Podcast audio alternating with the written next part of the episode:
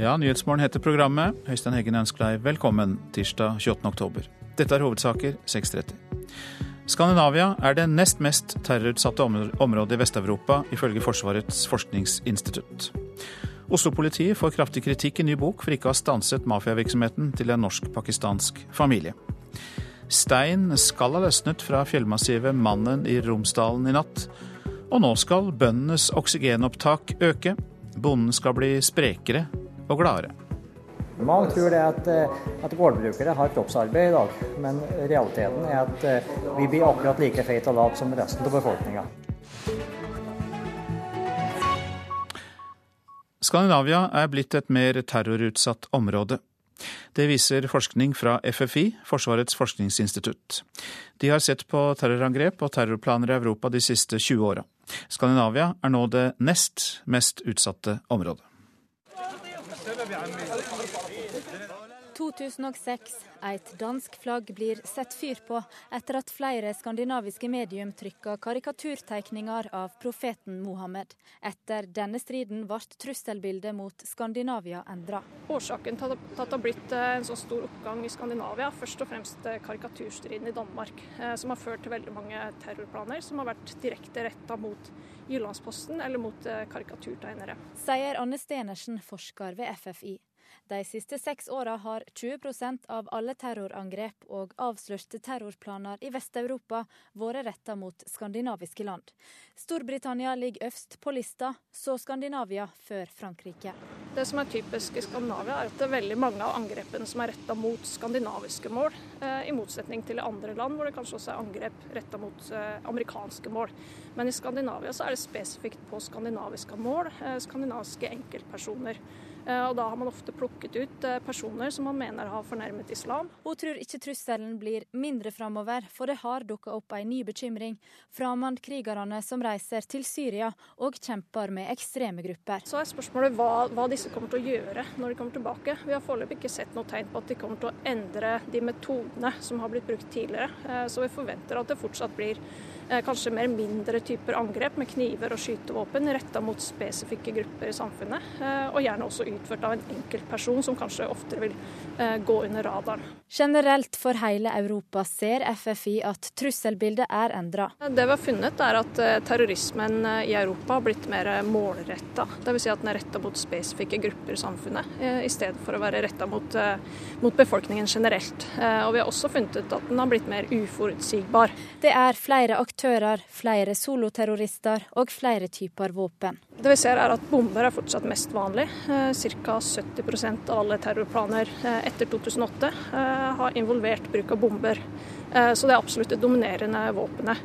Men når vi ser på utførte angrep, så er det kanskje en overrepresentasjon av enkle våpen, sånn som kniver og skytevåpen. Og det har vi ikke sett tidligere. Reporter Eirin Årdal. Nå om rettspsykiatri. I dag legger Tilregnelighetsutvalget fram sin innstilling for justisminister Anders Anundsen. Utvalget har vært ledet av tidligere riksadvokat Georg Fredrik Ribermoen. Det har vurdert reglene for utilregnelighet og rettspsykiatriens rolle i straffesaker. Rettspsykiater Terje Tørresen, du er med oss. Du har vært oppnevnt som rettspsykiater i mange straffesaker, bl.a. i saken mot Anders Behring Breivik. Og du har tidligere sagt at norsk rettspsykiatri har svakheter og trenger endring. På hvilken måte? Ja, Det er flere ting som eh, trengs endring, og, og det gjelder både hvordan man utarbeider erklæringene, altså den kvalitetssikringa som ligger i det. Og det er også mange andre forhold som, som gjør det nødvendig å se på rettspsykiatrien på nett. Er det konkret eh, noe da i dagens regler som bør endres etter din oppfatning? Ja, I dag så har jo vi det medisinske prinsipp syk eller ikke syk, altså psykose eller ikke psykose. Og Det som eh, mest sannsynlig kommer, det er jo en diskusjon, eventuelt en innføring om det psykologiske prinsipp, som betyr at, eh, at eh, det skal foreligge en psykisk lidelse, slik at vedkommende ikke forstår handlingens kvalitet eller natur, eller at det var vedkommende som gjorde det. Og det, det betyr at det må påvises en sammenheng mellom gjerningsmannens psykisk lidelse og handlingen han har begått. Ja, forskjellen mellom det medisinske prinsipp og psykologiske prinsipp står altså sentralt. Og hvilke følger kan det få for en tiltalt at man går mer over på det psykologiske prinsippet?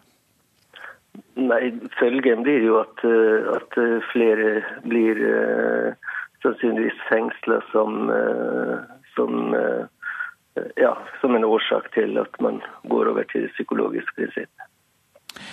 Hvordan vil det endre jobben din da, som rettspsykiater? Nei, Det er jo store utfordringer fordi at det psykologiske prinsipp forstås forskjellig omkring i, i verden. Og, og, så spørs det hvor vi i Norge, som er kjent for å ha en humanistisk tradisjon, skal legge oss. Uh, slik at uh, det går jo mye på hvordan skal denne opplæringa foregå. Uh, og, det er Eh, ganske mange rettspsykiatere som gjør relativt få undersøkelser. Og, og det er klart at det vil en, være en utfordring at, at, man ikke gjør så mange. Volum er viktig. Ja, Hvis vi da knytter an konkret til rettssaken mot uh, Anders Behring Breivik, uh, hvordan ville da den ha vært annerledes hvis vi allerede da hadde hatt mer vekt på det psykologiske prinsippet? Jeg er litt usikker på om, om, eh, om eh, hvis man hadde lagt den første rapporten til grunn eh, med psykologisk prinsipp, så var jo argumentasjonen at handling var knytta nært opp til psykosen. Men det er én forståelse av det. Og her vil det være flere meninger om det, fordi at han skjønte hva han gjorde. Men psykosen ble beskrevet som så omfattende at den sannsynligvis, etter mitt skjønn, burde hatt eh, forrang. Kan vi oppsummert eh, si at eh, den første rapporten om Behring Breivik var etter det psykologiske prinsipp, at den andre var mer i retning av det medisinske? Nei, det kan ikke man si. Begge var besvarte samme mandat.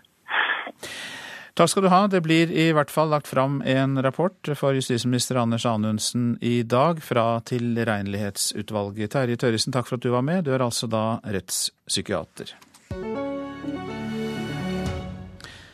Mannskap fra Sivilforsvaret har i natt hørt stein som har løsnet fra det rasutsatte fjellmassivet Mannen i Romsdalen i Rauma, opplyser politiet. Geologer som overvåker fjellpartiet med radar, sier at det fortsatt er stor bevegelse i fjellet, og at det skal ha mindre og mindre nedbør til for å gi økt bevegelse. For øyeblikket regner det i området, men geologer sier at eh, det kan, og geologer sier at det kan utløse et større skred. Rauma kommune får skryt av NVE, Norges vassdrags- og energidirektorat, for hvordan de har taklet rasfaren fra Mannen. Regionsjef i NVE, Brikt Samdal, sier dette om samarbeidet med kommunen. Vi registrerer eh, at dette går veldig bra. Veldig godt fornøyd med måten som eh, kommunen eh, løser oppgavene på og styrer dette her. Godt samarbeid med politiet, og ikke minst ÅTB som den faglige rådgiveren på Ustadbeidet fjellparti. Så har vi en veldig god situasjon nå. Det er et relativt lite ras. Veldefinert og greit utløpsområde, og vi har fått evakuert folk. Den 3. oktober kom meldinga om at deler av Mannen ville rase ut alt i høst. Siden da har beredskapen vært på topp i Rauma. Brikt Samdal tror det som skjer akkurat nå vil være nyttig læring både for kommuner og de som skal tolke data fra overvåkinga. Nei, det, Der er mange aktører som er inne, og hver og en vil nok eh, lære av denne situasjonen i forhold til de store andre eh, nasjonale utfordringene som en har på ustabile fjellparti. Og Det eh, er nok litt ulikt fra hver organisasjon til organisasjon i forhold til å forstå dette her, i forhold til langsiktigheten i de målingene som gjøres, og det å lese av målinger og stole på de, som har vært en flott Eh, hvordan ÅTB har vist hvordan teknologien virker. Reporter her var Janne Britt eh, Aasen. Et eh, norsk-pakistansk brødrepar og nettverket deres skal ha svindlet det norske samfunnet for minst 300 millioner kroner det siste året. De siste årene. Det hevder journalistene Rolf Widerøe og Hans Petter Aas i boka 'Kuppet', som kommer ut i dag. I boka her så har vi avdekka to sentrale ting. Det ene er svært tette bånd mellom eh, norsk storkapital og et organisert kriminelt miljø. Og i tillegg så har vi avdekka hvordan dette miljøet over mange år har kunnet fått lov til å utvikle seg uten å bli tatt. Det sier den ene forfatteren og journalisten Rolf Widerøe. Ifølge boken skal familiemedlemmene ha svindlet banker, finansinstitusjoner, selskaper og privatpersoner for minst 300 millioner kroner de siste ti årene. Det vi har gjort, da, er at vi har gått igjennom en god del dommer som vi har samla sammen gjennom flere år.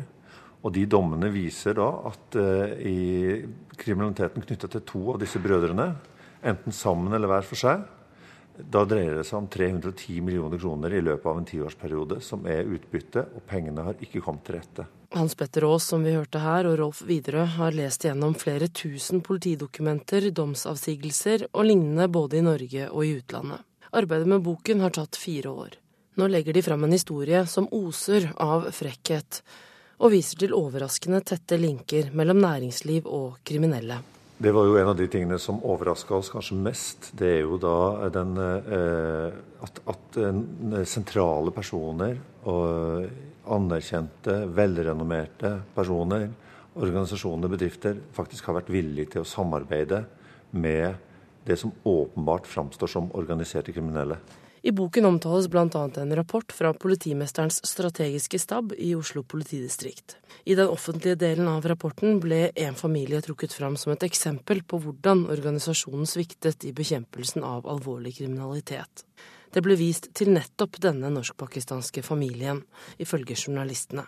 Problemet med politiets organisasjon er jo at de er delt inn etter å bekjempe lovbrudd. Og de er ikke organisert på en sånn måte at de går etter personer. Rolf Widerøe peker på en kombinasjon av ressursmangel og organiseringsutfordringer i politiet. Oslo-politiet sier de vil vente med å kommentere saken til de har fått lest boken. NRK har også vært i kontakt med flere forsvarere som tidligere har representert familien, men disse har ikke ønsket å kommentere saken eller klart å formidle kontakt med brødrene. Reportere Ellen Borge Christoffersen og Hans Jørgen Solli. Og forfatteren av denne boka kommer til Nyhetsmorgen klokka 8.30. Avisene nå. Nøkkelhullmerkingen fjernes fra sunne matvarer, er oppslaget i Aftenposten. Grunnen er priskrigen på disse sunne matvarene. Dermed taper matvareprodusentene på å bruke nøkkelhullmerket, og de kutter ut ordningen for sine produkter. Legene er for lite flinke til å rapportere til Arbeidstilsynet om sammenhengen mellom sykdom og arbeid, viser en ny studie gjengitt i Dagbladet. Flere yrker kan øke risikoen for lungekreft, hørselstap, astma og kols. Deler ut bibler som ebolatrøst, er oppslaget i Vårt Land. Bibelselskapet ber i en annonse om penger fra norske givere for å sende bibler for å trøste ebolarammede og deres familier i Liberia. Det murres mot statsbudsjettet innad i Fremskrittspartiet, kan vi lese i Dagsavisen. En så usosial profil er skammelig, sier partiveteran Morten Kåkås i Trondheim. Kåkås har meldt seg ut av partiet for å kunne se velgerne i øynene, som han sier. Arbeids- og sosialministeren skal skrive brev til landets uføre og forklare kutt, men til Klassekampen har to av dem svaret klart allerede. De mener det er blodig urettferdig. En av dem vil tape 12 000 kroner i året. Jeg er egentlig konfliktsky, sier Petter Stordalen til eh, Dagens eh, Næringsliv. I en ny bok kan vi lese at Stordalen har lagt seg ut med flere andre investorer, som Christian Sveås, Stein Erik Hagen, Christian Ringnes og Arthur Buchardt. Tøffe tak, men jeg angrer ingenting, sier Stordalen. Mobbing i eh, barnehager avdekket, skriver Federlandsvennen. 67% av de ansatte ved barnehagen i Kristiansand mener det foregår mobbing. Flere barn holdes utenfor leken og sliter med å skaffe seg venner i barnehagen, viser ny undersøkelse. Bystyreflertall krever omkamp om Bybanen, skriver Bergens Tidende.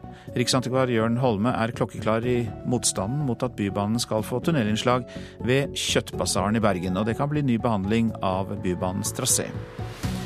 Den tidligere fotballspilleren Vegard Heggem driver nå med lakseturisme, men i Nasjonen advarer han andre mot å begynne i bransjen.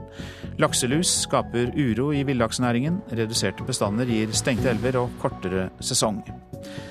Knallform på sju uker reduserer faren for hjertesykdommer. Ja, VG er opptatt av vår helse i dag.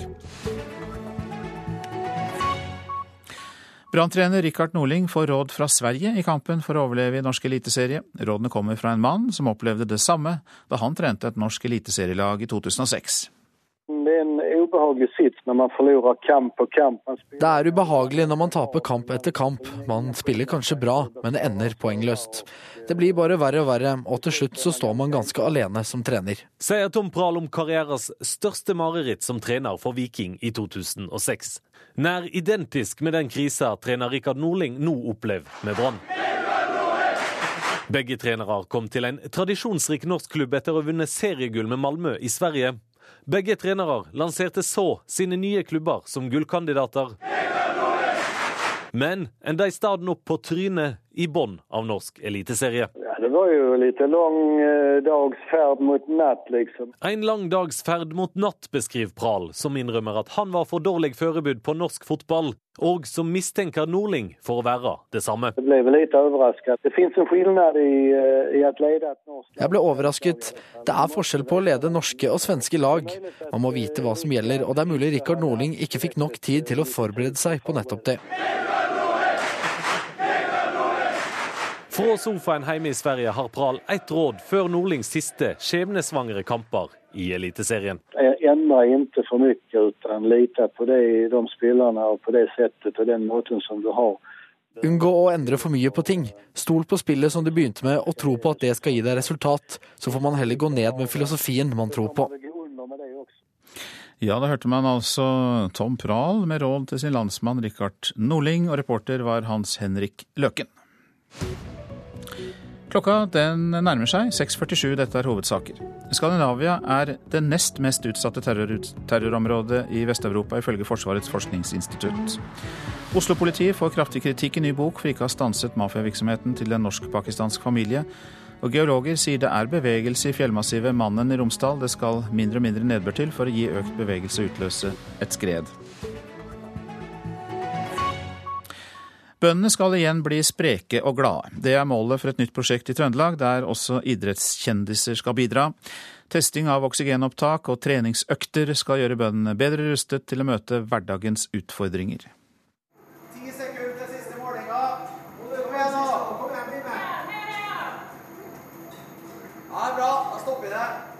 Verdensmester og olympisk mester Frode Estil stopper tredemølla, og gårdskjerringa fra Strumpedalen kan fjerne slanger og ansiktsmaske. I helga var det oksygenmåling av bønder i treningshallen i Meråker. Gradvis og veldig fin stigning hele veien, men så flater vi litt på slutten. og Det er veldig vanlig.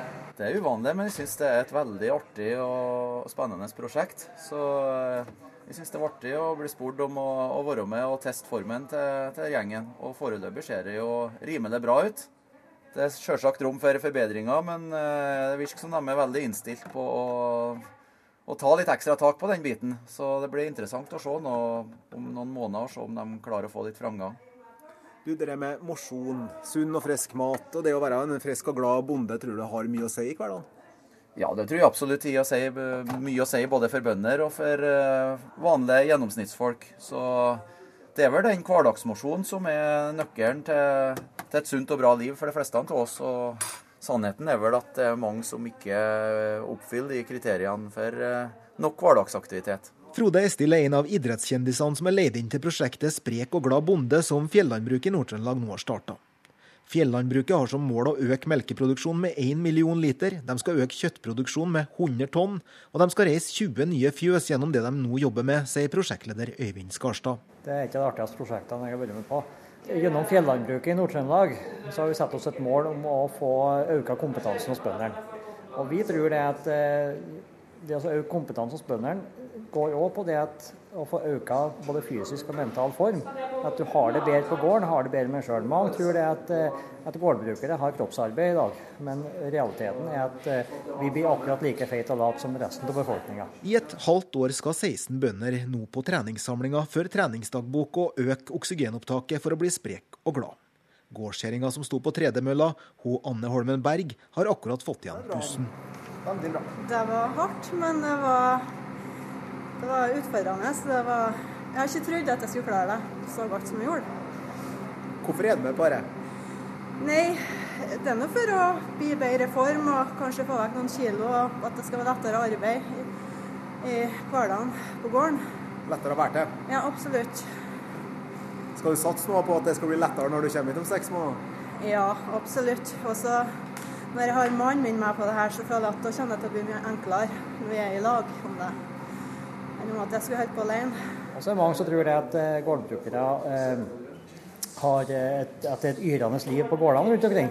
Men realiteten er òg at mange går og stuker alene. Derfor så vil vi sette i gang dette prosjektet, sånn at folk, eh, bønder kan komme i lag, trene i lag, ha gode fagprater i lag. For mange av dem som er med, står overfor bruksutbyggingsplaner. Og en del av dem som er med, har gjennomført bruksutbygginger. Derfor er det òg mye læring, rent faglæring, faglig læring inn i dette eh, prosjektet. her. I tillegg til at vi trener og har det artig i lag. Du, det er litt av en satsing. Jeg ser du står her i sånn eh, fin treningsdrakt med fjellandbruket på. En haug med sponsorer. Det koster penger? det? Ja, det koster penger. Og vi er veldig glad for å ha med oss samarbeidspartnerne. Det er litt viktig at når du gjør noe, så skal du gjøre det ordentlig. Blir det halvhjerta, så blir det ikke resultat av det. Og vi, gjennom det samarbeidet vi har fått med, eh, med de sponsorene våre, så greier vi å gjennomføre det på en profesjonell og ordentlig måte. Prosjektleder Øyvind Skarstad, reporter Kjartan Trana. Skuespillere utenfor Oslo skal nå få hjelp til å finne jobb. En audition ble arrangert på Riksteatret i går, først og fremst for eh, unge skuespillere som hadde tatt utdanningen sin utenfor hovedstaden. Det er jo da lillesøster. Jeg våkna klokka ni i dag, og Marte hadde allerede dratt på skolen. Det var lenge til Marte kom hjem.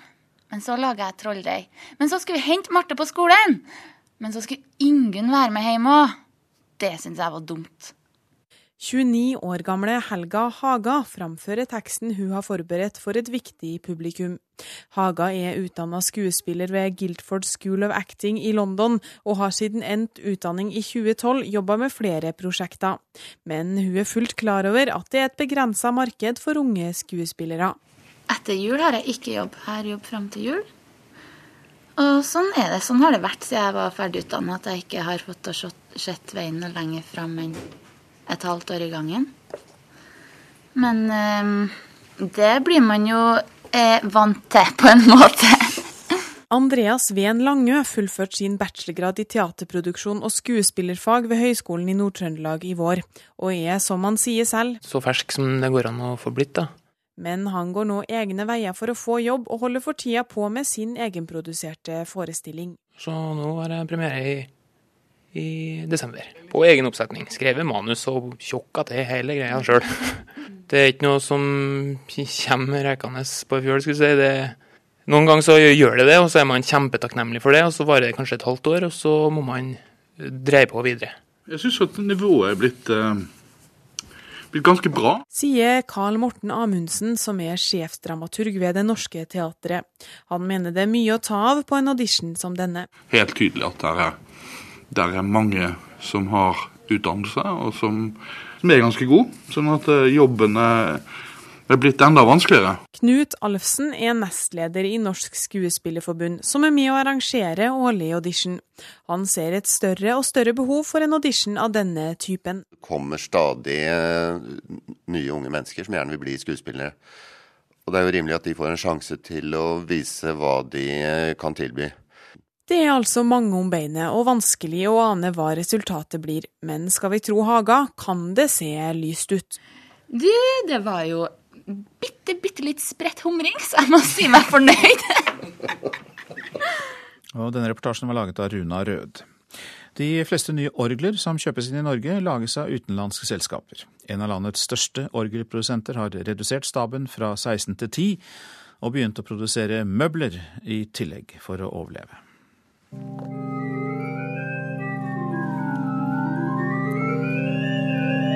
I Landvik kirke i Grimstad er to ansatte i tyske Weims orgelbau travelt opptatt med å intonere og stemme det nye orgelet som skal stå ferdig 30.11.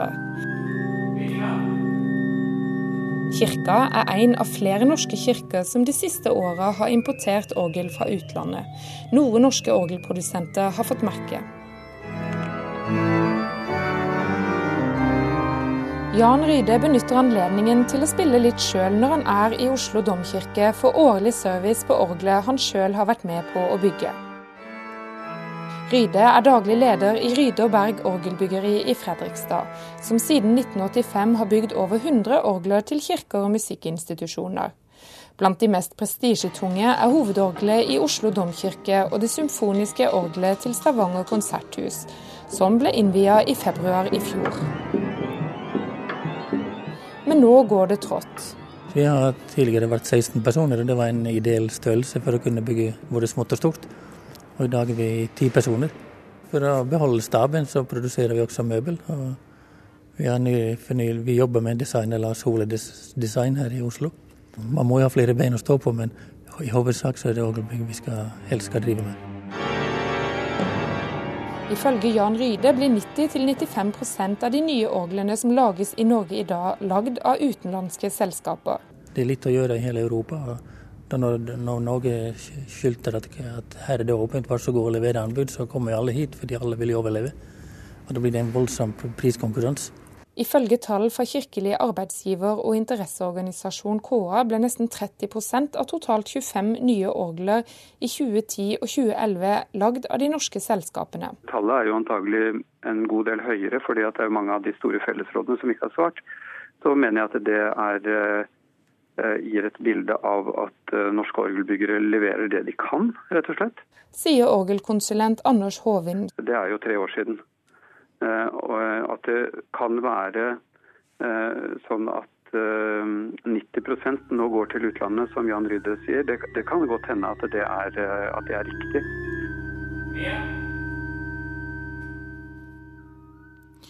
Reporter her, Miriam Grov. Datatilsynet har til nå gitt én person medhold i en klage på at Google ikke vil fjerne belastende informasjon fra trefflisten. I mai avgjorde EU-domstolen at enkeltpersoner skal ha rett til å be om å bli fjernet fra Googles søkemotorer. Den norske klageren fikk medhold hos Datatilsynet fordi informasjonen var misvisende. Så værvarselet. Fjellet i Sør-Norge. Sørvestlig sterk kuling. Fra i ettermiddag liten storm utsatte steder. Seint i kveld dreiende vestlig og minkende. Det blir regn, lokalt mye nedbør i vest. I kveld snø over ca. 1200 meter. Vi går til Østlandet og Telemark. Forbigående liten kuling utsatte steder seint i ettermiddag. På kysten sørvest stiv kuling. Det blir spredt regn. Seint på kvelden regn fra vest. Agder på kysten stiv kuling, regnbyger, vesentlig da i Vest-Agder. Seint i kveld regn. Rogaland sørlig stiv kuling utsatte steder. Regn og yr. Lokalt mye nedbør i indre strøk i nord. I kveld regnbyger i Rogaland. Hordaland sørlig sterk kuling utsatte steder. I ettermiddag forbigående sørvest liten storm i høyfjellet. Regn, lokalt mye nedbør. I kveld regnbyger. Snøbyger over 700 meter. Sogn og Fjordane sørlig sterk kuling utsatte steder i sør fram til i ettermiddag. I høyfjellet i sør forbigående sørvest liten storm. I ettermiddag det blir regn i Sogn og Fjordane, lokalt mye nedbør. I kveld regnbyger og snø over 700 meter. Møre og Romsdal periodevis liten kuling på kysten. Regn, lokalt mye nedbør i sør. I kveld regnbyger og snøbyger da i høyereliggende strøk også der. Trøndelag øking til sørvest liten kuling. Først på dagen kortvarig stiv kuling på kysten og regn. Seint eh, i kveld vestlig liten kuling. Det blir regnbyger i Trøndelag, snøbyger i høyereliggende strøk. Nordland på kysten sør for Støtt kortvarig sørvestlig opp i stiv kuling i formiddag. Og eh, i ettermiddag blir det stiv kuling i Vestfjorden. Det blir regnbyger i Nordland, snø i fjellet. Torden i nord først på dagen. Troms sørvestlig liten kuling utsatte steder og enkelte regnbyger, vesentlig da i ytre strøk, snø i høyereliggende strøk. Finnmark. Spredte regnbyger på kysten i vest, ellers delvis skyet opphold. Fra i ettermiddag sørlig bris. Oppholdsvær, men i kveld litt snø på vidda. Nordensjøland på Spitsbergen. Østlig liten kuling utsatte steder. Det blir skyet, for det meste oppholdsvær. Og så temperaturer, og disse er da målt klokka fire i natt. Svalbard lufthavn én grad, Kirkenes tre. Vardø har vi ikke fått inn, men vi har Alta på fire grader. Tromsø-Langnes fem, Bodø sju. Brønnøysund ni, Trondheim-Værnes sju, Molde åtte. Bergen-Flesland 13 og 13 grader, det var det flere andre steder. Stavanger, Kristiansand, Gardermoen og Lillehammer. Røros 9 grader, Oslo-Blindern 14 grader. Da klokka var fire, altså.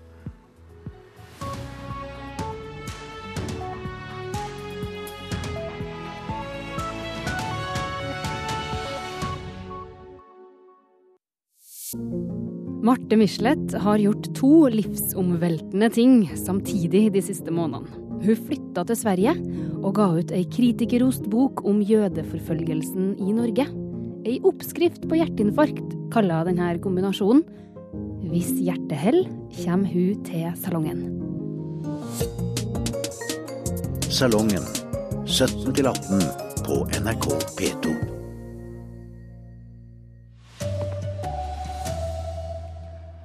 Stein skal ha løsnet fra fjellmassivet Mannen i Romsdalen i natt. Og regjeringen vil kutte i matpengene til flyktninger som har fått opphold i Norge. Her er NRK Dagsnytt klokken sju. Nedbørsmengdene har mye å si for hvor fort bevegelsene i fjellet Mannen i Rauma vil øke. Og i natt har det kommet store mengder regn i området. Det forteller vakthavende meteorolog Rafael Løvdahl ved værvarslingen på Østlandet. Fra midnatt til nå så har det kommet 8,4 millimeter nedbør eh, på den stasjonen som er i nærheten. Det er nok eh, omkring det som er ventet. Og nå er det slik at vi har jo ute et oppsvarsel. Og der har vi estimert en 40 90 millimeter på 24 timer. Så det er nok noen timer med nedbør igjen fortsatt. Regjeringen foreslår å kutte i utbetalingene til voksne flyktninger som har fått opphold i Norge, men fortsatt bor i asylmottak. De får dermed mindre å bruke til mat og klær. Kuttet blir på anslagsvis 500 kroner per måned. Det forteller statssekretær Gøran Kalmyr, som sier innsparingen skal brukes til bosetting og retur. Vi ser jo det at eh, de satsene er noe høye, så vi kan eh, kutte noe i dem. Sier statssekretær Gøran Kalmyr i Justisdepartementet. Kuttet kan bli på anslagsvis 500 kroner per måned. Etter det kuttet vi nå foreslår, så er det rikelig rom til å kunne forsørge mat og, og klær og sånne ting innenfor en ramme av rundt 7000 kroner for en familie på fire. Ja, reporter her var Katrin Hellesnes. Fire gjengmedlemmer som var involvert i kidnappingen av 43 studenter i Mexico, ble pågrepet i går, ifølge landets myndigheter. Samtidig melder flere lokale medier at en ny en massegrav er oppdaget på en søppelplass nær byen Cocola, hvor lærerstudentene forsvant. De fire som ble pågrepet, er medlemmer av narkotikabanden Gueros Unidos. Politiet har fra før pågrepet over 50 personer i forbindelse med saken, blant dem flere politimenn. Jordan ber om et hastemøte i FNs sikkerhetsråd for å diskutere Israels planer om å bygge flere bosettinger på okkupert land. Anmodningen kommer like etter at den palestinske FN-utsendingen Riyad Mansouri i et brev til FN ber om et møte for å diskutere situasjonen. Sikkerhetsrådet må forlange at Israel trekker tilbake planene umiddelbart, står det i brevet fra ham, ifølge nyhetsbyrået AFP. Dovrebanen ble i natt åpnet for trafikk etter å ha vært stengt siden i går morges. Årsaken til stengningen var et tog sporet av på Strandlykkja stasjon på Stange i Hedmark. NRK Dagsnytt, Sjan Erik Bjørnskau.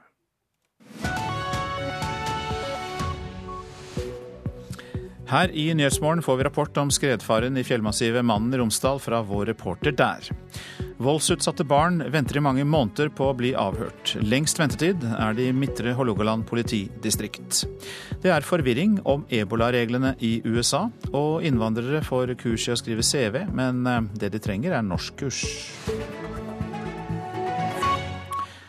Først om det vi hørte i Dagsnytt, at regjeringen vil kutte i pengestøtten til flyktninger som har fått opphold i Norge, men som fortsatt bor i asylmottak. Dermed får de mindre å rutte med til mat og klær, men Justisdepartementet mener det likevel er rikelig med penger. Alt er dyrt i Norge. Klær, mat. Jeg synes alt er dyrt. 21 år gamle Omeredin fra Eritrea og Mohammed på 20 fra Somalia har begge fått oppholdstillatelse i Norge. Mens de venter på å bli bosatt, bor de i et asylmottak og får utbetalt 3200 kroner hver i måneden. Det skal dekke mat, klær, transport og legebesøk. Vi spiser ris, pasta. Guttene vil ikke klage. De mener det kan være vanskeligere for barnefamilier. Men blir utbetalingene enda mindre, så får de problemer. Livet skal bli vanskelig. Vi føler på billig mat med hva vi får nå. Hvis det blir 500 mindre, noen ganger vi må glemme frokost, kanskje. Det er i statsbudsjettet at regjeringen foreslår å redusere utbetalingene til flyktninger som har fått oppholdstillatelse i Norge, men fortsatt bor i mottak. Kuttet skal også gjelde de som venter på svar på søknad om asyl. Nei, vi ser jo det at de satsene er noe høye, så vi kan kutte noe i dem. Sier statssekretær i Justisdepartementet Gøran Kalmyr. Som eksempel bruker han en familie med to barn, som i dag får utbetalt 7500 kroner i måneden. Så ønsker vi å bruke de midlene nå til å øke insentivet for kommunene i å bosette dem. Eh, og eh, sende tilbake dem som har fått avslag raskere, slik at det blir færre folk på mottakene i Norge. I norske asylmottak bor i dag over 5000 flyktninger som har fått opphold, men venter på at en kommune vil ta imot dem. Mange venter i årevis. Nå mener altså regjeringen at de bør klare seg med mindre. Ja, Da er det om å gjøre å kunne finne midler, sånn at vi kan gi et insentiv til kommunene å ta imot dem. Kuttet blir ifølge Kalmyr på anslagsvis 500 kroner per måned for enslige og for ektepar. Etter det kuttet vi nå foreslår, så er det rikelig rom til å kunne forsørge mat og, og klær og sånne ting innenfor en ramme av rundt 7000 kroner for en familie på fire. Jeg ville si det så sterkt som at beboere i mottak lever under fattigdomsgrensen. Sier Tom Gjertholm.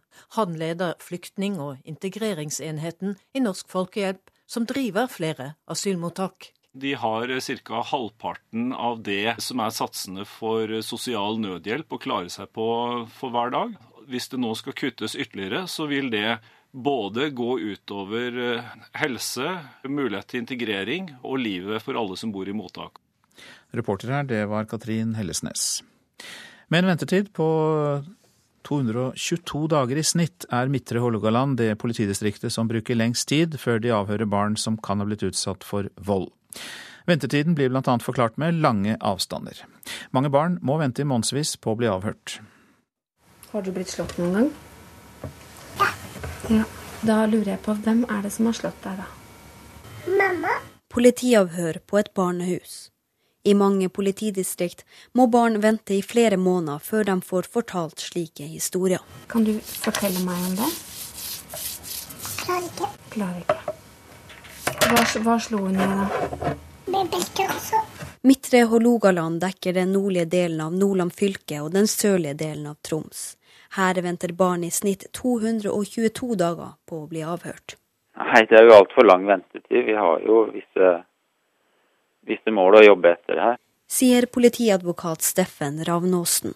Han sier at noen saker har blitt liggende uheldig lenge, og at det har slått ut på statistikken. Det er visse utfordringer også her i distriktet, hvor vi er splitta opp på fire forskjellige regioner og har eh, fire forskjellige tingretter å forholde oss til, og to forskjellige barnehus å forholde oss til, som eh, da gjerne ligger en en flyreise unna. Har du tro på at dere vil eh, klare å kutte ventetida drastisk? Ja, det, det ser vi tegn til allerede. I Oslo venter barn som kan ha blitt utsatt for vold, i snitt 83 dager på å bli avhørt. Det er vi for så vidt ikke særlig glad for, men det er jo et snittall. Sier konstituert visepolitimester Gro Smogeli. Nye ansettelser og omorganisering skal få ventetida betraktelig ned, lover Smogli. Og vil nok i løpet av året kunne komme betydelig lenger ned på eh, antall dager. Barn i Hedmark og Vest-Oppland politidistrikt venter rundt to og en halv måned på å bli avhørt. Sjef for rett og påtale i Vest-Oppland, Linn Hilde Fosso, forklarer at to saker med spesielle omstendigheter har dratt snittet opp. Hun advarer også mot å bli for opptatt av statistikk. Vi får ofte bare én eneste mulighet til å snakke med barnet om hva barna har opplevd. Og Da er det viktig at vi har etterforskere og dommeravhørere på som er veldig godt forberedt til å ta den ene samtalen med barnet. Og Det som er viktigst for oss, er at uh, dette er veldig alvorlige saker. Det er viktig at vi klarer å slutte etterforskningssirkel, altså at vi klarer å finne sannhet og å ta barn ut av situasjoner for framtida som de ikke skal være i. Reportere her Marit Igraf og Kristine Svendsen. Bernt Gudmund Apeland, god morgen til deg. God morgen. Du er generalsekretær i FNs barnefond UNICEF. og Hva syns du om de store forskjellene mellom politidistriktene på gjennomføring av dommeravhør av barn? Ja, Det er svært alvorlig. Eh, vi kan ikke ha det sånn at den rettssikkerheten som vi som samfunn møter eh, barn med, skal være avhengig av hvilket postnummer du bor på, og hvorvidt det er eh, vanskelig å komme seg til og fra dette stedet. Som samfunn så er det vår oppgave å møte barn som har blitt utsatt for vold og seksuelle overgrep, så fort som mulig og på så profesjonell måte som overhodet mulig. Men vi hører jo her at det er ikke så lett for politidistriktene. Altså De har flere forskjellige tingretter å forholde seg til, flere forskjellige barnehus, og noen av dem er flyreiser unna. Så man kan jo forstå at eh, det kan ta tid i noen tilfeller. Det man kan forstå, er at det kan være vanskelig å organisere, men det man ikke kan forstå, at ikke man løser den organiseringsfloken. Fordi eh, dette er mulig å løse med, som Politidirektoratet selv sier, ved å prioritere disse sakene mye høyere, ved å organisere arbeidet på en bedre måte, og å skaffe til vei den nødvendige kompetansen. Fordi det går an, og hvis du ser at i de politidistriktene der politimesteren gjør det til en prestisjesak å bli god på dette, så får de det til. Eh, det er ingen som har kommet i mål ennå. Eh, det er ingen som møter vår egen eh, lovpålagte eh, frist på 14 dager. Men det er noen politidistrikter som har blitt mye flinkere. Troms, eh, Tromsø, Stavanger og Sogn og Fjordane er eksempler på det. Unicef, FNs barnefond, dere vet sannsynligvis hvilke følger en slik utsettelse kan få for barna? Ja, Det er jo eh, for det første svært alvorlig hvis den eh, utsettelsen betyr at barnet må fortsette å bo eh, sammen med voldsutøveren. Og det kan medføre varig svekket psykisk helse. Vi ser at barn som har vært utsatt for vold gjennom oppveksten, kan få mange av de samme skadene som soldater som har vært i krig. Så dette er veldig alvorlig. I tillegg så er det sånn at jo lenger ventetiden blir, jo svakere kan bevisene bli, og det kan også i verste fall da bety at voldsutøveren går fri. Men hvordan ligger vi an eh, sammenlignet med andre land som vi bør kunne sammenligne oss med? Kjenner du til det? Ja, vi ser at der man faktisk prioriterer dette, eh, og jeg har eksempler fra Malmö og fra, fra, New York hvor man har virkelig satt inn eh, både sosial- og helsevesen og politi sammen, så klarer man faktisk å få til dette i løpet av tre dager. Så at i første gang så må vi klare å komme oss ned på det lovpålagte 14 dager, og så får neste ambisjon være at vi kommer oss ned på tre. Takk skal du ha. Bernt Gudmund Apeland, generalsekretær i FNs barnefond UNICEF. Det er fortsatt uvisst når fjellpartiet Mannen i Romsdalen i Rauma vil rase ut. Geologer som overvåker fjellet med radar sier det er stor bevegelse i fjellet. Det skal mindre og mindre nedbør til for å gi økt bevegelse. Mannskapet fra Sivilforsvaret sier de har hørt stein som har løsnet i mannen i natt, forteller politiets operasjonsleder Tove Anita Asp. Eh, vi fikk melding fra Sivilforsvaret som var vakter på stedet, at det gikk et eh, steinsprang fra fjellet eh, klokka 01.23 i natt. Uviss størrelse, for det var mørkt, og kun at de hørte, hørte at det gikk en stein. Hvordan er beredskapen i området som nå blir overvåka? Der er Sivilforsvaret som er på stedet og har, eh, har beredskapen med, med lytte, lyttepost. Ja, Tove Anita Asp, operasjonsleder fra politiet, og reporter Håvard Ketil Sporsheim. Og så vender vi oss mot deg, reporter Gunnar Sandvik. Du følger med på det som skjer i fjellmassivet Mannen, og hva er de siste informasjonene du har? Her er natt i ferd med å så vidt begynne å bli dag. Det er mørkt i Romsdalen fortsatt. Skodda ligger tjukt nedover fjellet Mannen og langt ned mot eh, bebyggelsen, sånn at vi ser ikke sjølve det området der eh, et skred kan komme ifra. Når som helst, eh, egentlig. Men som vi hørte altså, Sivilforsvaret på plass rett ved siden av borte på marka her. på det avstengte området følger de med. De har lyttepost, de har lytta gjennom hele natta. For det er nettopp det om stein begynner å falle som gir oss et varsel om at uh, her er det en økt bevegelse i det fjellpartiet oppe i Mannen som, som da vil rase ut.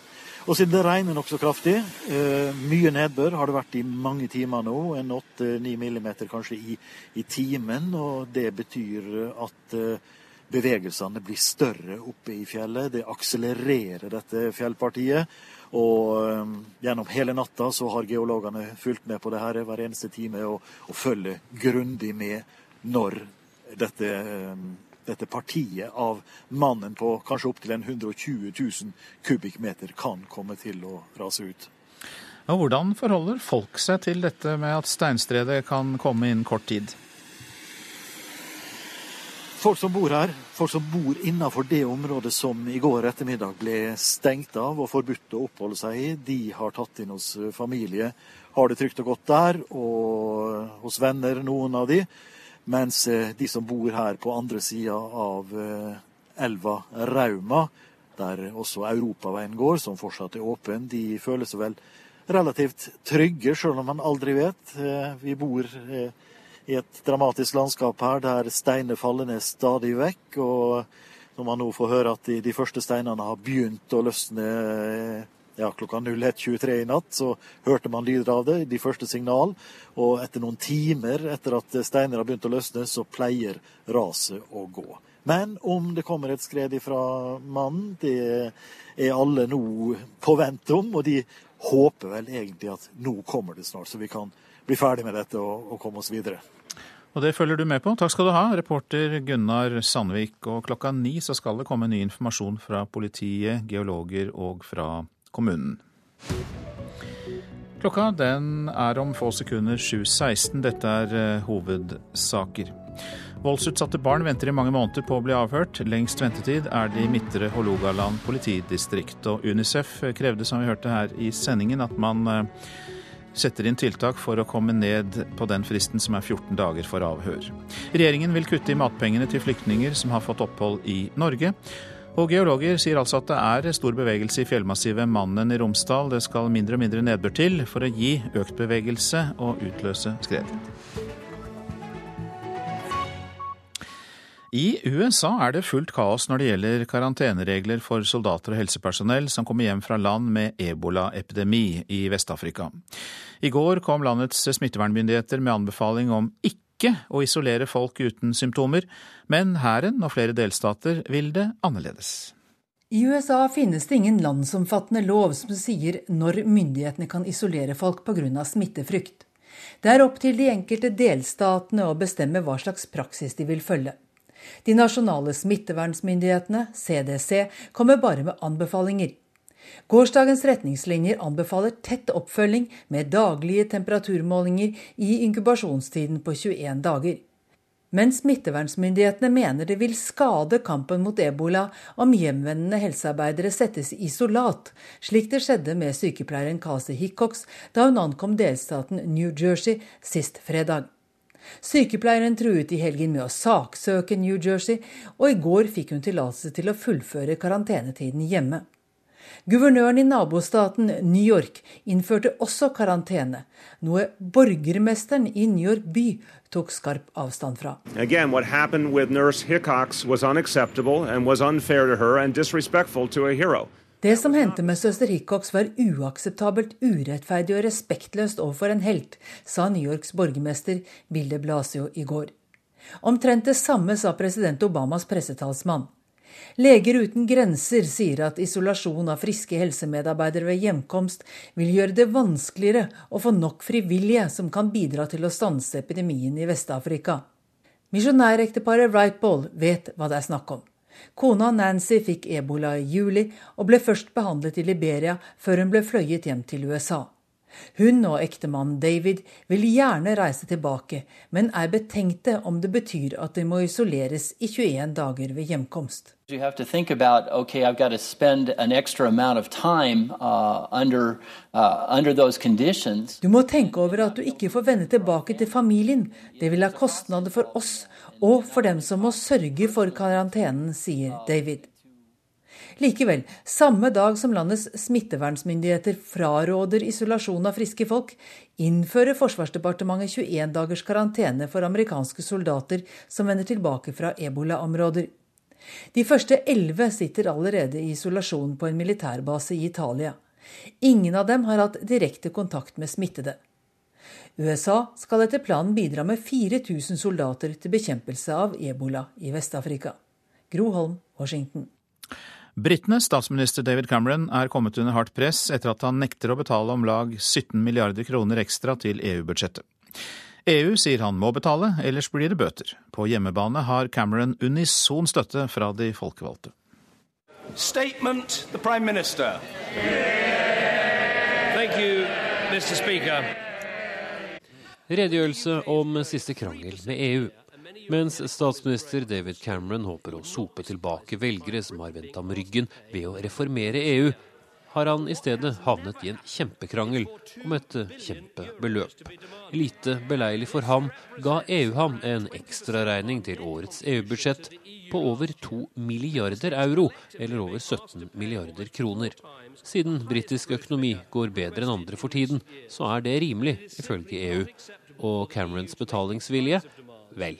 Britain will not be paying 2 billion euros to anyone on the 1st of December, and we reject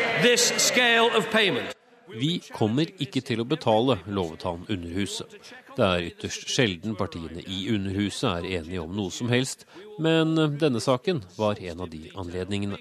My constituents would rather see 1.7 billion spent on them and their country than spent on some EU bean counter. They expect him to tell the European Union to stick the money where the sun doesn't shine. Vi forventer at statsministeren ber dem stappe pengene opp der solen aldri skinner, sa Camerons partifelle Philip Davis. Uttalelsen trenger neppe noen utdypning. Men i Brussel, hvor de stadig hører om alt britene syns er galt med EU, står de steilt. Betal eller risiker høye bøter, sier EUs budsjettkommissær Jacek Dominik. anyway, then from certain moment we will start to impose late payment penalties. Ikke lett for Cameron å søke støtte til å reformere EU med ubetalte regninger. Forfallsdatoen er 1.12., like lenge som han har til å finne en løsning. Espen Aas, London.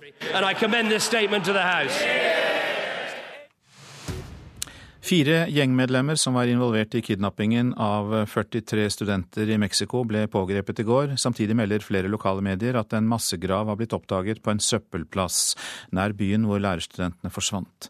De fire som ble pågrepet, er medlemmer av en narkotikabande. Politiet har tidligere pågrepet over 50 personer i forbindelse med saken.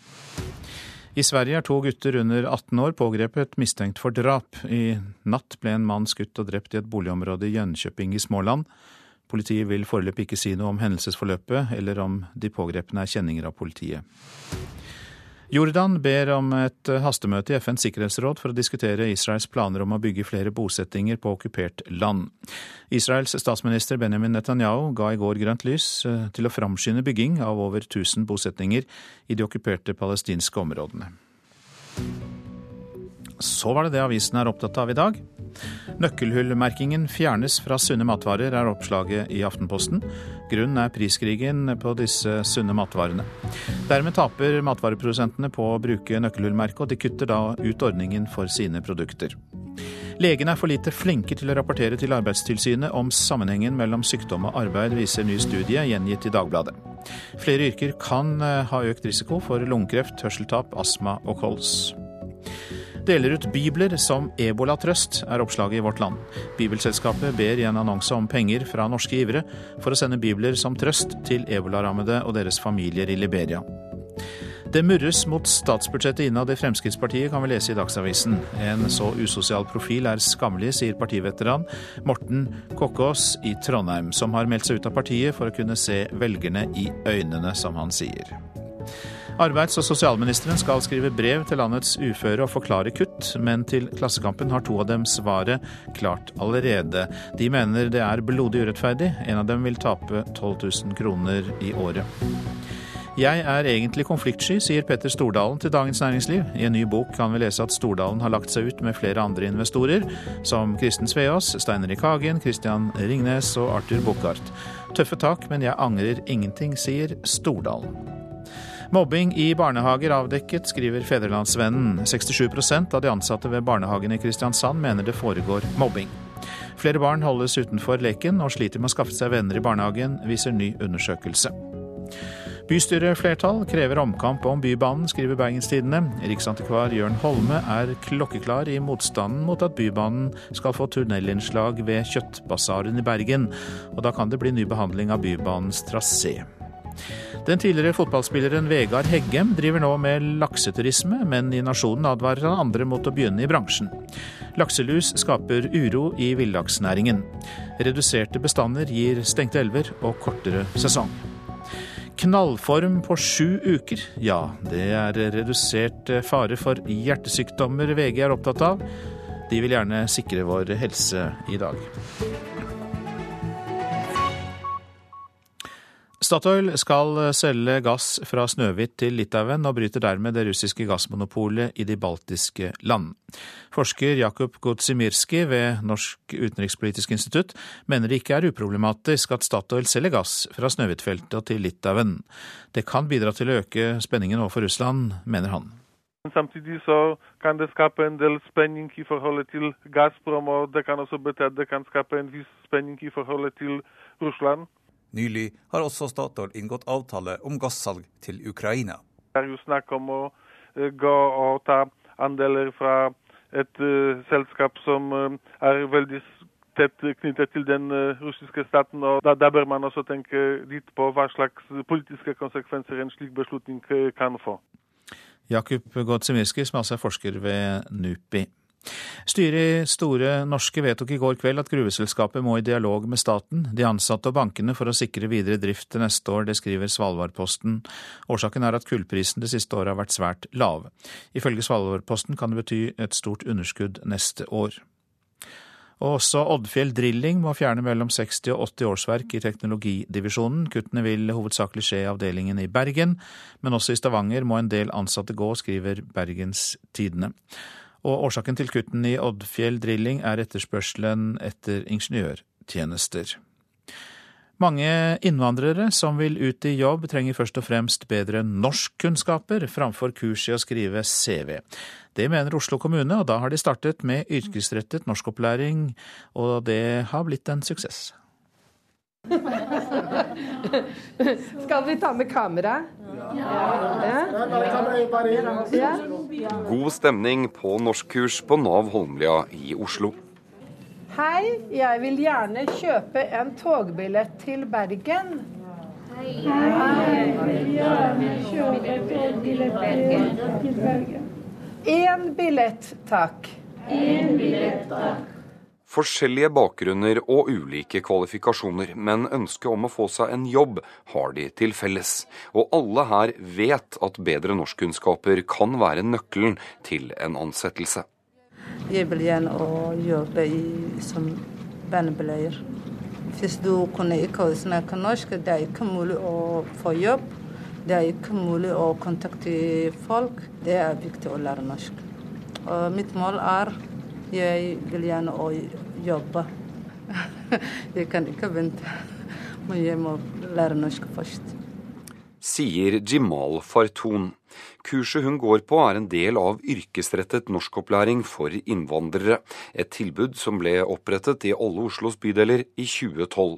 Og siden har det vært en ubetinget suksess, ifølge sosialbyråd Øystein Søreide. Vi har nå de siste par årene tall som viser at 63% av de som har vært gjennom en sånn norskopplæring, de går over enten i jobb eller i videre form for utdanning. Det er jo en norskopplæring da som skal være eh, praktisk, og som skal være rettet inn mot de behov man har i det daglige på en arbeidsplass i en arbeidssituasjon. Men det er selvfølgelig sånn at det tar utgangspunkt i de grunnleggende ferdighetene, og så bygger man på.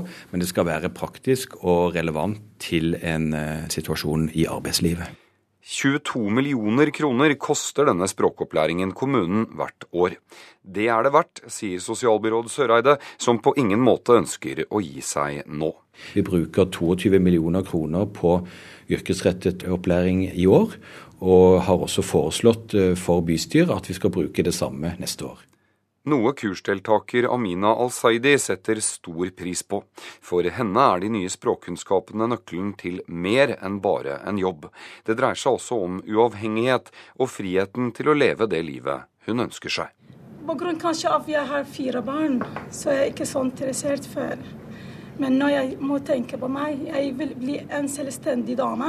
Så jeg liker å bli kjent med samfunnet her i Norge, og med norske folk. Så jo mer man blir kjent med språket, jo mer eh, blir man kjent med folket. Jeg har eh, forskjellige naboer. Noen er norske, noen er fra andre land. Så det er viktig at man kan norsk. Ja, har noen forhold med dem. Reportere Knut Martin Løken og Øsker Tufan. Ja, du lytter til Nyhetsmorgen. Produsenten i dag heter Vidar Eidhammer. Her i studio Øystein Heggen. Om en uke står slaget om senatet i USA. Demokratene risikerer å miste sitt flertall. Hør reportasjen etter Dagsnytt. I Politisk kvarter kan du høre mer om at SV vil gi barnefamiliene tiden tilbake. Én time fri per dag til ungene er 18 måneder gamle. Og det blir også debatt om regjeringens kutt i pengestøtten til flyktninger. I Politisk kvarter kvart på åtte.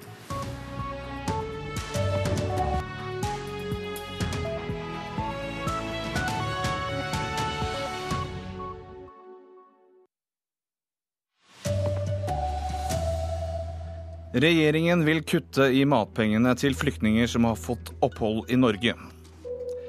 Stein har løsnet fra fjellet Mannen i natt. Og Skandinavia er det nest mest terrorutsatte området i Vest-Europa. Her er NRK Dagsnytt klokken 7.30. Regjeringen vil kutte i pengestøtten til flyktninger som har fått opphold i Norge, men fortsatt bor i asylmottak. Dermed får de mindre å bruke til mat og klær, men Justisdepartementet mener det er rikelig. Alt er dyrt i Norge. Klær, mat. Jeg synes alt er dyrt. Uremedin fra Eritrea og Mohammed fra Somalia har fått oppholdstillatelse i Norge. Mens de venter på bosetting, bor de i asylmottak og får utbetalt 3200 kroner hver i måneden. Det skal dekke mat, klær, transport og legebesøk. Vi spiser ris, pasta. Det er allerede knapt med penger. Blir det mindre, får de problemer. Hvis det blir 500 mindre, noen ganger vi må glemme frokost, kanskje. Regjeringen foreslår i statsbudsjettet å redusere utbetalingene til voksne som har fått opphold, og til de som venter på svar. Nei, vi ser jo det at eh, de satsene eh, er noe høye, så vi kan eh, kutte noe i dem. Sier statssekretær Gøran Kalmyr i Justisdepartementet. Kuttet kan bli på anslagsvis 500 kroner per måned. Etter det kuttet vi nå foreslår, så er det rikelig rom til å kunne forsørge mat og, og klær og sånne ting innenfor en ramme av rundt 7000 kroner for en familie på fire. Jeg ville si det så sterkt som at beboere i mottak lever under fattigdomsgrensen. Sier Tom Gjertholm i Norsk Folkehjelp, som driver flere asylmottak. De har ca. halvparten av det som er satsene for sosial nødhjelp å klare seg på for hver dag. Hvis det nå skal kuttes ytterligere, så vil det både gå utover helse, mulighet til integrering og livet for alle som bor i mottak. Ja, Reporter her var Katrin Hellesnes, og det blir mer om dette i Politisk kvarter klokken 7.45. Eh, det er fortsatt uvisst når fjellpartiet Mannen i Romsdalen i Rauma vil rase ut. Geologene som overvåker fjellet med radar, sier det er stor bevegelse i fjellet. Reporter Gunnar Sandvik, eh, hva er situasjonen nå?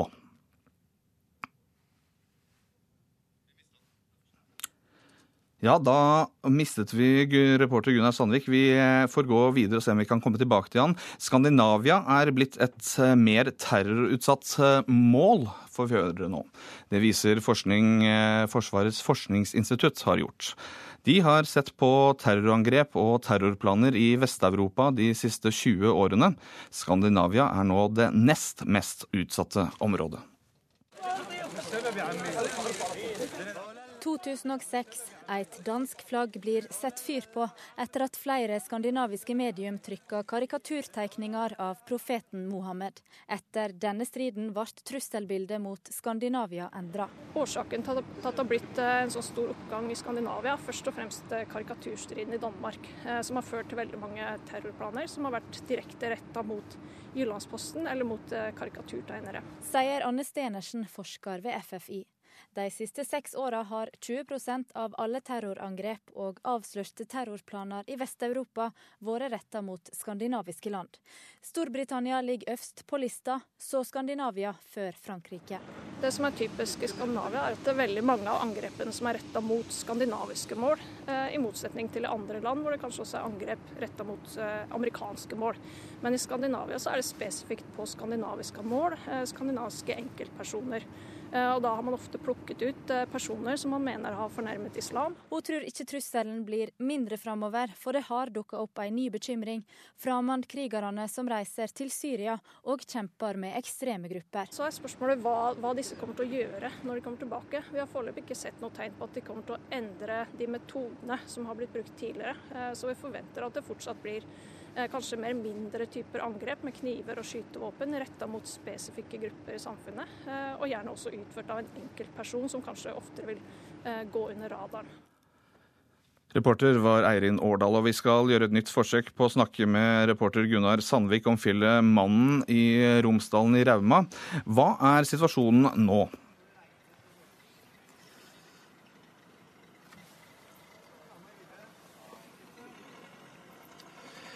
Fjellet er ustabilt eh, her oppe ved Mann, dette fjellpartiet som kan rase ut. og De første små steinene har begynt å løsne opp i fjellsida. Seks timer siden er det gått siden de hørte steiner. Jeg snakka nettopp med folk som bor her i området, og de har også hørt så vidt steiner i natt. men ikke noe unormalt eh, mye.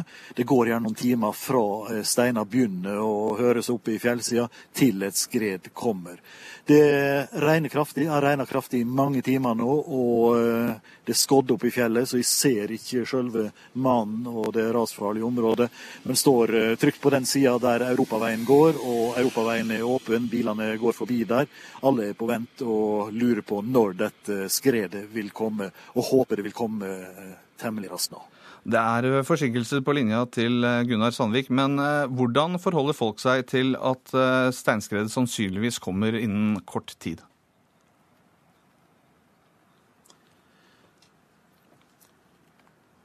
Veldig rolig og, og, fornuftig. Folk har jo blitt evakuert, de som bor i den farlige delen av dette området. Men eh, på andre siden her så føler man seg trygg, i den grad man kan føle seg trygg i en dal der det stadig vekk går småras og steiner faller ned. Men når regnværet er så kraftig som nå, da vet vi at det akselererer oppe i fjellet. Det blir svakere og svakere jo mer regn som kommer. Og så lenge det er er nedbør i timene som kommer, kan raset komme når som helst. Vi vet ikke når. Vi får kanskje en rapport eh, i løpet av en times tid nå fra geologene. Takk skal du ha, reporter Gunnar Sandvik. USA endrer sin anbefaling til delstater om oppfølging og karantene av helsearbeidere som vender hjem fra ebola-utsatte områder. Det skjer etter at sykepleieren Casey Hickox truet med å saksøke staten New Jersey etter at hun vendte hjem fra Sierra Leone. Hun ble plassert i isolat selv om hun var frisk. Again, what happened with Nurse Hickox was unacceptable and was unfair to her and disrespectful to a hero. Det som hendte med søster Hickox var uakseptabelt, urettferdig og respektløst overfor en helt, sa New Yorks borgermester Bill Blasio i går. Omtrent det samme sa president Obamas pressetalsmann. Leger uten grenser sier at isolasjon av friske helsemedarbeidere ved hjemkomst vil gjøre det vanskeligere å få nok frivillige som kan bidra til å stanse epidemien i Vest-Afrika. Likevel, samme dag som landets smittevernsmyndigheter fraråder isolasjon av friske folk, innfører Forsvarsdepartementet 21 dagers karantene for amerikanske soldater som vender tilbake fra ebolaområder. USA skal etter planen bidra med 4000 soldater til bekjempelse av ebola i Vest-Afrika. Gro Holm, Washington. Et norsk-pakistansk brødrepar og nettverket deres skal ha svindlet banker, finansinstitusjoner og privatpersoner for minst 300 millioner kroner de siste årene. Det hevder journalistene Rolf Widerøe og Hans Petter Aas i boken Kuppet, som kommer ut i dag. NRK har vært i kontakt med flere forsvarere som tidligere har representert familien, men disse har ikke ønsket å kommentere saken eller formidle kontakt med brødrene. Med en ventetid på 222 dager i snitt peker Midtre Hålogaland seg ut som det politidistriktet som er senest til å avhøre barn som kan ha blitt utsatt for vold. Ventetiden blir bl.a. forklart med lange avstander. Som NRK fortalte i går, må mange barn vente i månedsvis på å bli avhørt. Nei, det er jo altfor lang ventetid. Sier politiadvokat Steffen Ravnåsen. Han sier at noen saker har blitt liggende uheldig lenge, og at det har slått ut på statistikken. Det er visse utfordringer også her i distriktet, hvor vi er splitta opp. på fire forskjellige regioner og har eh, fire forskjellige tingretter og to forskjellige barnehus å forholde oss til, som eh, da gjerne ligger en, en flyreise unna. I Oslo venter barn som kan ha blitt utsatt for vold, i snitt 83 dager på å bli avhørt. Det er vi for så vidt ikke særlig glad for. Sier konstituert visepolitimester Gro Smogeli. Nyansettelser og omorganisering skal få ventetida betraktelig ned, lover Smogeli. Og vil nok i løpet av året kunne komme betydelig lenger ned på eh, antall dager. Ja, reportere her var Marit Higraf og Kristine Svendsen. Ansvarlig for denne sendingen var Ellen Omland. Teknisk ansvarlig Frode Thorshaug. Her i studio Sjan Erik Bjørnskau.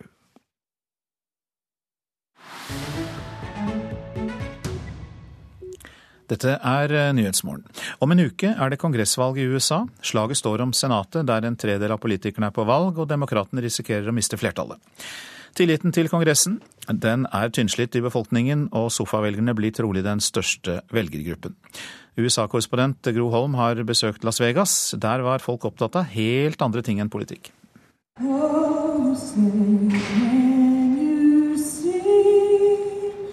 Langt, kunstig blondt hår, jeans og knehøye cowboystøvler. Hun har fått æren av å synge USAs nasjonalsang ved åpningen av en av de siste rundene i verdensmesterskapet i rodeo, eller okseridning, her i Las Vegas.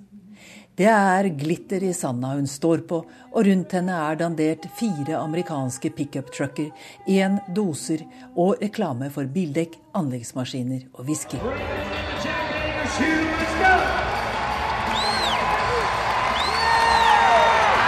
Én og én ropes rytterne og oksene ut på arenaen.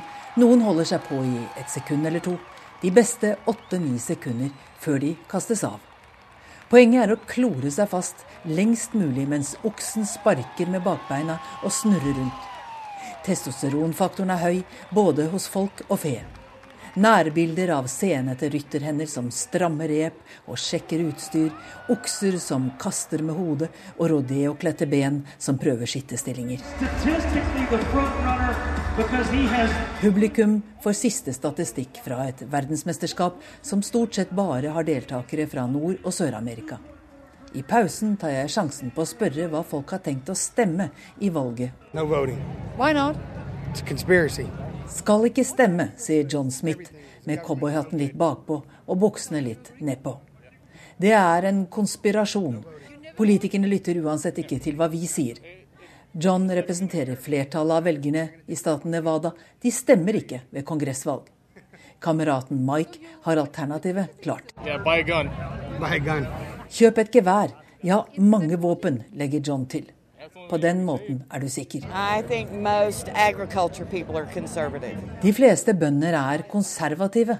Du må være det. Det er så trangt med penger. Du må være konservativ, sier Cathy Thibault. Hun og mannen har tre okser med i verdensmesterskapet, og de stemmer republikansk.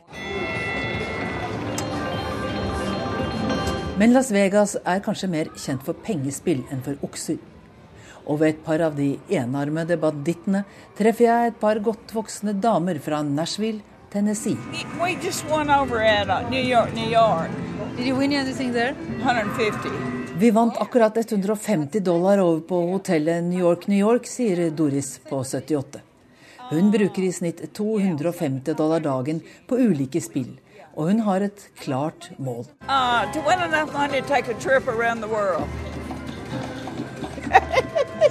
Å vinne nok penger til å dra jorda rundt, sier Doris. Sammen med venninna Carol har hun allerede fartet mye. Men skal hun så stemme ved kongressvalget? Jeg vil stemme imot enhver som sitter med makta, sier Doris, som egentlig er demokrat, men misliker Obama sterkt. Derfor har hun ikke bestemt seg for om det blir demokratisk eller republikansk ved kongressvalget. Men én ting er soleklart.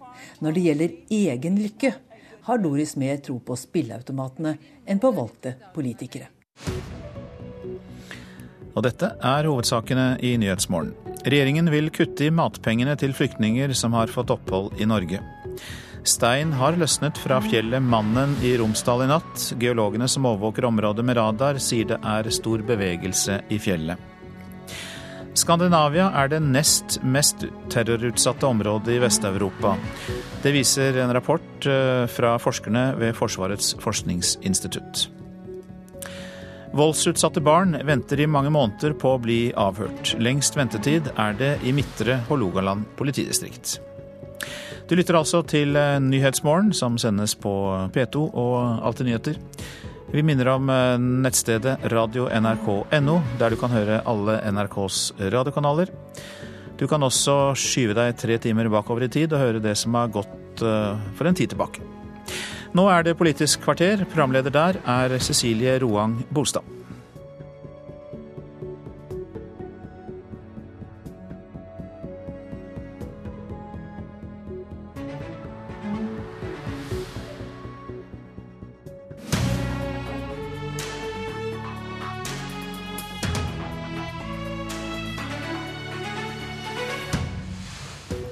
Regjeringen vil kutte i pengestøtten til flyktninger som har fått opphold i Norge, men som fortsatt bor i asylmottak. Og SV vil gi tiden tilbake til barnefamiliene. Istedenfor kontantstøtte vil de gi familier med barnehagebarn én time fri om dagen. Riktig god morgen, velkommen til eh, Politisk kvarter. Som eh, mange har fått med seg i eh, Dagsnytt i dag også, så foreslår altså regjeringen å kutte i utbetalingene til voksne flyktninger som har fått opphold i Norge, men som fortsatt bor i asylmottak. Det betyr at de vil få mindre penger til å rutte med til mat, klær og medisiner.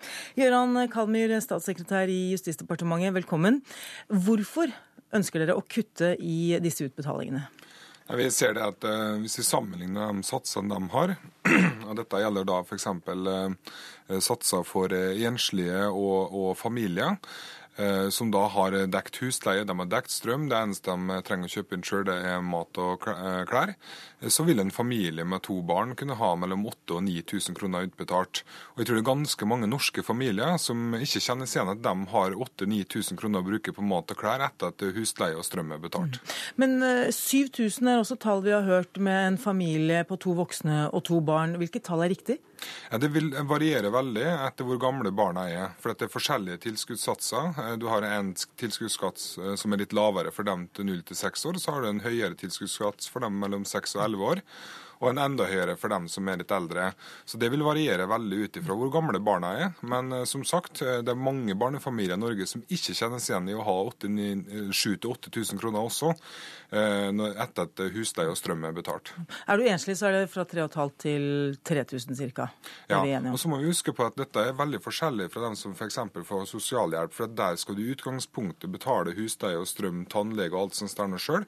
På mottak vil alle de tjenestene være gratis i tillegg. Ja, Geir Toskedal, innvandringspolitisk talsmann i eh, Kristelig Folkeparti. Dette er et forslag ikke dere er spesielt begeistret for? Nei, det er ikke det. Vi, vi har lyst til å fremstå som uh, gjestfrie her i landet så lenge de bor her. Men vi deler jo synet til regjeringen på at vi skal ha en raskere saksbehandling, kortere botid, Eh, vi har en masse saker på det området der vi deler synspunkt, men så reagerer vi når dette kommer i tillegg til at en skal trekke i eh, barnehageplass for fire- til femåringer, en skal trekke aktivitetstilbud på asylmottakene, og i tillegg redusere basistilskuddet. Da blir dette et ledd i flere ting som vi syns er svært uheldig. Vi må behandle folk skikkelig og anstendig mens de er her, og heller få kortere saksbehandlingstid. Det vil være mer i tråd, tror jeg, med det som er den norske eh, gjestfriheten. Eh, det er sjelden vi er med på at eh, en reduserer takstene på denne måten. Og beløpet blir jo svært lavt etter hvert for de det gjelder. Kalmyr, er, er dette med gjenkjenneligheten for norske barnefamilier den eneste årsaken til at dere ønsker å fjerne dette, eller redusere utbetalingene? Nei, Det vi har sett på, det er hvordan vi kan få til et helhetlig bra budsjett, der vi får eh, brukt de store midlene på å bosette eh, asylsøkere i kommunene hvis de har fått oppholdstillatelse. Så vi har økt eh, bevilgningene til kommunene med 50 millioner der. Totalt sett har denne regjeringen økt det med 300 millioner siden man tok over. men det hjelper jo ikke noe for de flyktningene Jo, som hjelper sitter og venter på bosetting. Det hjelper veldig mye. For, På hvilken måte? Ja, for det er En av de største grunnene til at kommunene ikke vil ta imot eh, flyktninger og asylsøkere, er jo nettopp at de har følt at tilskuddssatsene er for lave. Og så er det viktig at vi har økt toppfinansieringa for dem eh, som har funksjonshemmelser og psykiske utfordringer, slik at kommunene er i stand til å kunne ta imot dem også. Men jo- hverdagen for disse flyktningene vil vel ikke endre seg? jo, men det er jo nettopp dem eh, som sitter på mottak som har fått opphold, som ikke kommer seg ut i kommunene. Det er jo nettopp fordi at kommunene ikke har hatt anledning til å ta imot dem tidligere. Og med den styrkinga vi nå gjør i statsbudsjettet, så vil det være mulig for de kommunene å ta ut dem også. To- Så- så- Toskedal, tror du dette? At det Nei, vil... altså det er vel også sånn at det har vært redusert i barnevernstiltak for mindreårige asylsøkere, bl.a. som kompensasjon til kommunene. I tillegg så leser vi at det kan også bli redusert språktilbud. Eh, Vi støtter selvsagt at vi øker bosetting og ser den bevilgningen, men alle de andre tiltakene eh, drar i motsatt retning. Og det kan jo ikke være sånn at bare vi gjør det vanskelig nok, så, så håper vi at det ikke skal komme flere. Men dette er også flyktninger som mange av dem har fått opphold, og, Ja. men venter på bosetting. Ja, og i tillegg da får redusert det. Jeg syns det er en, en spesiell måte å ta imot eh, nye nordmenn på. Eh, det er å, å liksom eh, skjære at det går nedover. Det er litt uvanlig. Og eh, for enkelte av eksemplene så blir det svært lite penger. Eh, Dette er jo da et forslag i statsbudsjettet, Ja, det et og det skal inn i forhandlingene. Er det, hvor viktig vil dette være for Kristelig Folkeparti? Altså, Det er jo flere elementer i denne saken. her, og Mange av de støtter vi. Vi har støtta dette med eh, brudd på innreiseforbud. Eh, Og vi har støtta flere andre tiltak, og vi kommer nå til det gjelder eh, regler for pågripelse osv. Så, videre. så vi er jo enige i at vi må få en kortere og bedre eh, asylpolitikk og hele kjeden. Men når folk er her, og den tida de er her, så syns jeg de skal behandles anstendig og skikkelig. Men tro, er, det, er det ikke mulig å klare seg på en eh, 7000-8000 kroner i måneden? Jo, men det var det eksempelet der. Der er jo andre eksempler eh, for enslige osv. som er, som er Vi har jo fått nå i media nylig rapport om at folk ikke har råd til mat, f.eks. Hvis det stemmer, så har jo regjeringen ansvar for å undersøke det. Det skal jo være et tilsyn med dette. Og jeg forutsetter jo at det, det fungerer. Men vil dette bli et krav i forhandlingene med regjeringen om å endre på dette forslaget? Vi kommer til å kreve at folk blir behandla skikkelig, og akkurat konkret på dette punkt vil vi gå nærmere inn. For det er litt vanskelig å finne ut av tallet. For hvis det blir redusert antall beboere på asylmottak, så vil jo beløpet gå ned av den grunn. Men hvis det går ned på tilskuddene til de enkelte, så vil vi absolutt se nærmere på det, ja. Kalmyr, eh, Norsk Folkehjelp eh, sier at eh, reduserer man disse satsene, så betyr det at de vil få mindre per dag enn det sosialhjelpen er i Norge. Er, er det til å leve med for mennesker som har fått opphold i Norge? Ja, som jeg nettopp sa, så er det ikke mulig å sammenligne dette her med sosialhjelp, fordi at en sosialhjelpsmottaker de er plikta til å betale for en rekke tjenester sjøl også. Og så må de søke ekstra hvis de f.eks. skal ha dekka regninger til tannlege eller et eller annet sånt. Eh, De som bor på mottak, vil ha alle disse tjenestene her gratis. Hvor viktig er punktet for dere i, i dette i budsjettet? Nei, Vi har ment det at eh, det er forsvarlig å kunne ta et kutt her nå. Vi ser det at eh, det er fullt forsvarlig å kunne kutte noe her nå uten at det på en måte skal gå utover eh, muligheten deres til å få god mat og klær og alt sånt der nå.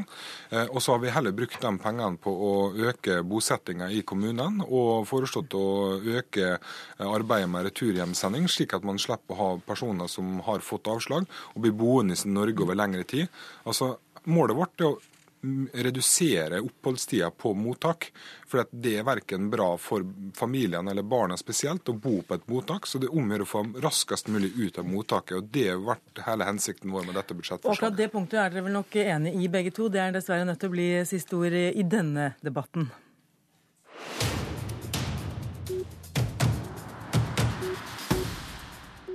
Da skal vi skifte tema. Vi skal til familiepolitikk, for SV-leder Audun Lysbakken ønsker nå å gi foreldre som driver med innkjøring av barn i barnehagen, en time fri om dagen til barna er 18 måneder, i stedet for kontantstøtte. Det kunne man lese i Dagsavisen på lørdag. Audun Lysbakken, velkommen til Politisk kvarter. Si litt mer om hvorfor dere vil gi denne timen til småbarnsfamilier. Jeg tror veldig mange småbarnsforeldre har kjent på den brå overgangen det er fra permisjon til eh, en vanlig hverdag, der eh, det lille barnet på ett år plutselig skal være full dag i barnehagen, åtte timer gjerne, eh, og foreldrene full dag på jobb. Det er en brå og ganske tøff overgang.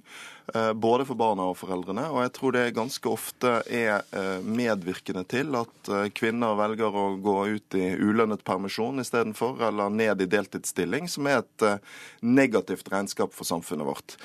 Og jeg har merket nå etter at jeg tenkte litt høyt om dette på, på lørdag, at det er, det er, mye respons. Det er mange som, som, kjenner på dette. Jeg har gjort det sjøl som, som, pappa til, til, to små barn. Eh, med, med min idé så ville man kunne da eh, Mamma leverer litt senere i barnehagen, pappa henter litt før.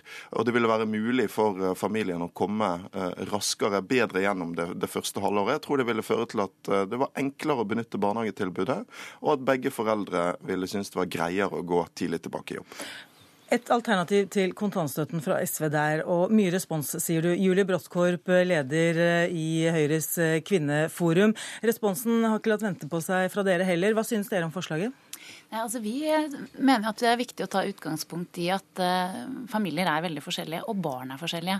Noen barn fungerer det godt å ha full, full, dag i barnehage fra de er et år. Men klart, ettåringer er, er, små. Så for noen har ikke begynt å gå, noen har ikke språk. og Derfor mener vi der at kontantstøtten kan være et fint alternativ for de familier som synes det er for tidlig å ha en ettåring i barnehage. Mm. Da kan de enten velge at pappa eller mamma er litt lengre hjemme, eller annen type barnepass, hvor man ikke har så mange andre barn og så mange andre voksne å forholde seg til. Så dere syns det er et dårlig forslag om Ja, så er det jo også det at vi, vi må kunne ha to tanker i hodet samtidig.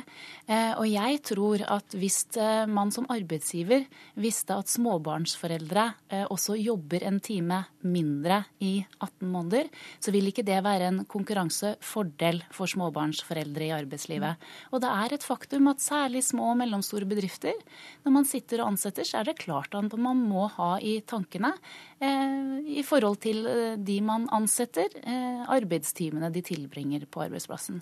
Og så er det jo svært mange familier i dag da, som, som, klarer å løse dette. Eh, sånn at denne løsningen til, eh, til SV med at alle småbarnsforeldre da skal ha én time mer eh, fri, viser jo at de igjen går i den fellen at de tror én løsning passer for alle. Mm. For de fleste løser jo dette ved at pappa leverer, eh, mamma henter eller omvendt. Og da behøver ikke barna å være der i, i full dag. Lysbakken, tror du dette er noe som arbeidsgivere vil eh, hegne om? Kanskje ikke eh, i utgangspunktet, men husk at dette er en veldig begrenset periode. Vi snakker om perioden fra barnet er ett år til det er halvannet. Det er helt sikkert ikke sånn at alle foreldre vil ønske å bruke en sånn ordning heller, men noen vil kunne gjøre det. Og Det vil jo nettopp gjøre at det blir mulig å velge barnehage og jobb for en del av de som ikke syns de kan ta det valget i dag. Eh, og det vil være positivt også for arbeidslivet. Praktisk gjennomføring av det Tror du det vil fungere på en arbeidsplass hvor man alle er nødt til å ta i et tak? Ja, fordi husk på at Her snakker vi om noen få måneder. Eh, det er klart at det hadde vært helt andre innvendinger mot et system der småbarnsforeldre i årevis skulle få kortere arbeidstid. Her snakker vi om en veldig begrenset periode. For mange så vil jo dette være et godt alternativ til det de gjør i dag, som er å vente lenger med å komme tilbake i jobb. For virkeligheten er jo at mange tar ulønnet permisjon. Virkeligheten er at mange kvinner går ned i uh, uh, deltidsarbeid.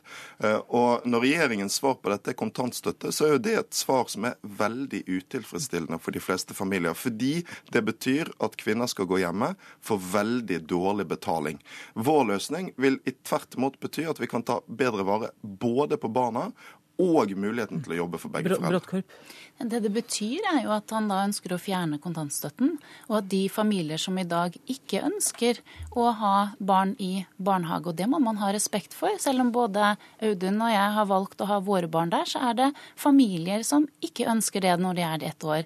Da kan man i en periode ha kontantstøtte, enten fordi man ønsker å være hjemme, og det må vi ha respekt for at noen gjør, eller fordi man ønsker annet barnepass. Jeg syns det er litt farlig. Er Hvis vi som politikere blir litt sånn moralske voktere over andres liv. Fordi vi må eh, heller hegne om det mangfoldet, og det mener jeg kontantstøtten gjør. Men er det riktig at staten skal bidra til, til det og betale de summene de altså, gjør? Det er staten som legger til rette for systemene for, for vårt velferdssamfunn. Mm. Også Men skal man ikke da kunne tenke andre tanker, slik Lysbakken gjør nå? Jo, det er veldig fint å tenke andre tanker, men da må vi også kunne ha en debatt om at eh, akkurat denne tanken syns jeg minner litt om alle utspillene SV har hatt om sekstimersdag, og det har jeg ikke så veldig stor tro på. Husk at kontantstøtten er eh, et dårlig alternativ for de fleste. Det er lite penger. Det gir ikke noen varig løsning. Heller ikke for veldig mange av de familiene som syns det er vanskelig å sende barna i barnehage. Vår løsning vil nettopp gjøre at den barnehagestarten blir mykere. Og så synes jeg det er litt Men er dette for barna eller for foreldrene? det er jo begge deler. Fordi at det, det er ganske tøft for en liten ettåring eh, å gå fra full dag hjemme med mamma eller pappa til full dag i barnehagen. Dette vil gjøre at du kan kutte litt av dagen i begge ender. Det vil være bra for barna. Og så vil det gjøre det lettere tror jeg, for foreldrene å velge å begynne i jobb. Og, og det er viktig å huske på det at sant, Hva er kontantstøtten? Jo, det er betaling for å la være å jobbe. Betaling for å la være å bruke barnehagetilbudet. Det er et valg jeg har respekt for. Men det kan ikke være en samfunnsoppgave å betale for det. Nei, skal Mens- det være, fortsatt være det, Bråttkorp? Ja, jeg, jeg mener at det er fint at vi har et system som sørger for at uh, småbarnsfamilier med veldig små barn, en ettåring er ikke stor, at vi der kan sørge for at i de tilfeller hvor det ikke føles riktig at det barnet skal inn i full barnehage fra ettårsdagen, ja da har de mulighet til en annen løsning. Vi får ta denne debatten videre i andre fora. Politisk kvarter er slutt, i dag ved programleder Cecilie Roang Bostad.